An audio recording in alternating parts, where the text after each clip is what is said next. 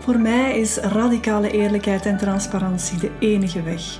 En die weg is er niet gekomen van vandaag op morgen. Welkom, ik ben Annemie en je luistert naar Amami Moments. Een podcast over liefde vinden, duurzame relaties en het vrouwelijk ondernemerschap. Hoe je het ook draait of keert, als je je op persoonlijk relationeel vlak gelukkig voelt, dan gaat het vaak ook gemakkelijker in je business. Of dan voel je je strijd lustiger om er tegenaan te gaan of moediger om door te zetten. Dus je zaak kan goed draaien en je bent blij met wat je op dat vlak verwezenlijkt. Maar als het op relationeel vlak wat minder gaat, dan zal dat onbewust toch zich gaan uiten in je business. Er is niet zo leuk als kunnen thuiskomen na het werk en je veilig voelen. Kunnen ontspannen, kunnen loslaten. Loslaten wat jou door de dag heeft vastgehouden. En er zijn zeker heel veel manieren waarop dat kan. Persoonlijk besefte ik pas hoe fijn het is om te kunnen thuiskomen bij iemand en deze dingen te kunnen doen bij iemand.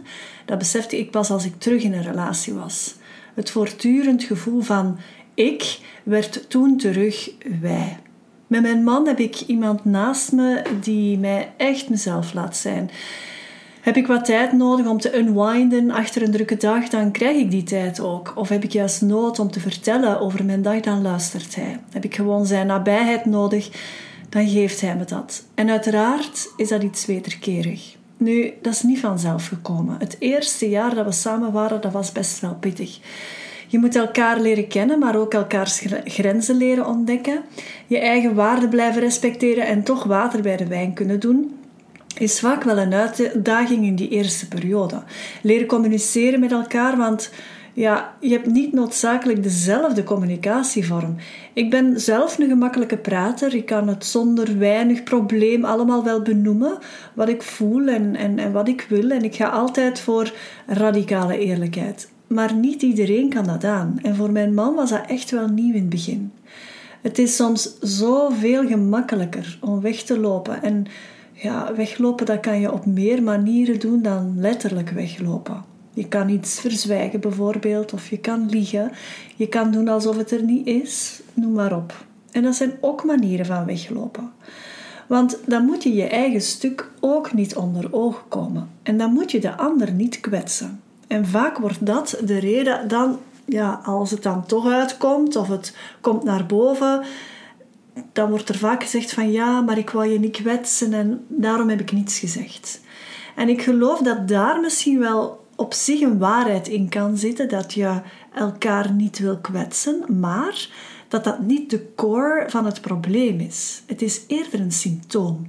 Het gaat over niet kunnen of niet durven verantwoordelijkheid nemen voor je eigen keuzes of daden en niet in staat zijn die aspecten van jezelf aan te kijken die ervoor zorgen dat je juist die keuzes gemaakt hebt of dat je juist die acties gezet hebt of die daden doet.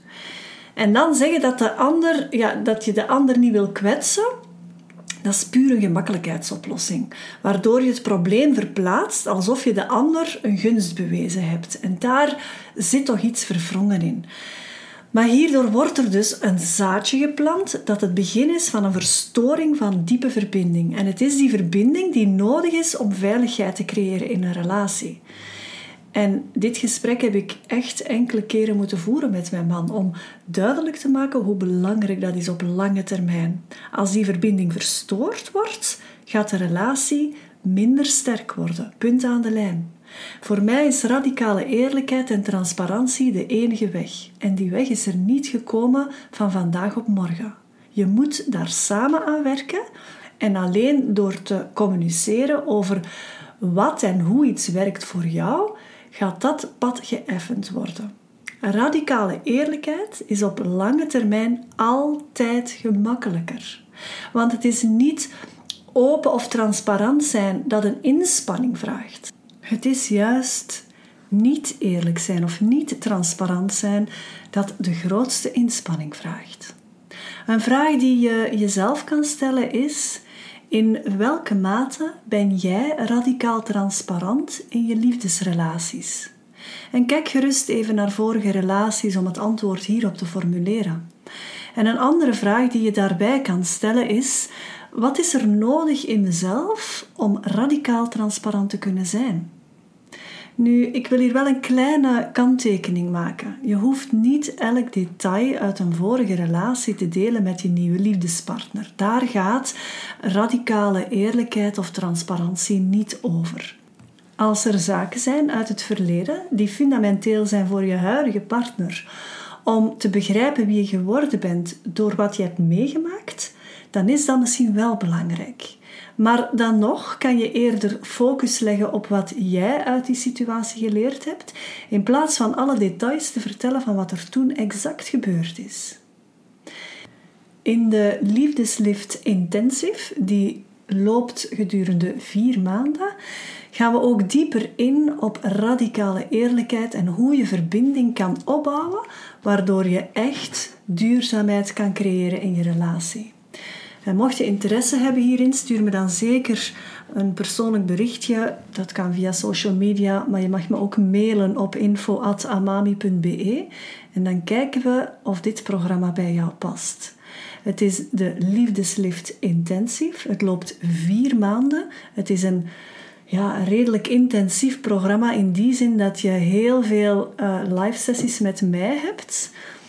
Um, en het is op korte termijn dat je een bad krijgt, ondergedompeld wordt, zal ik maar zeggen, om jou helemaal klaar te stomen om een duurzame relatie op te bouwen.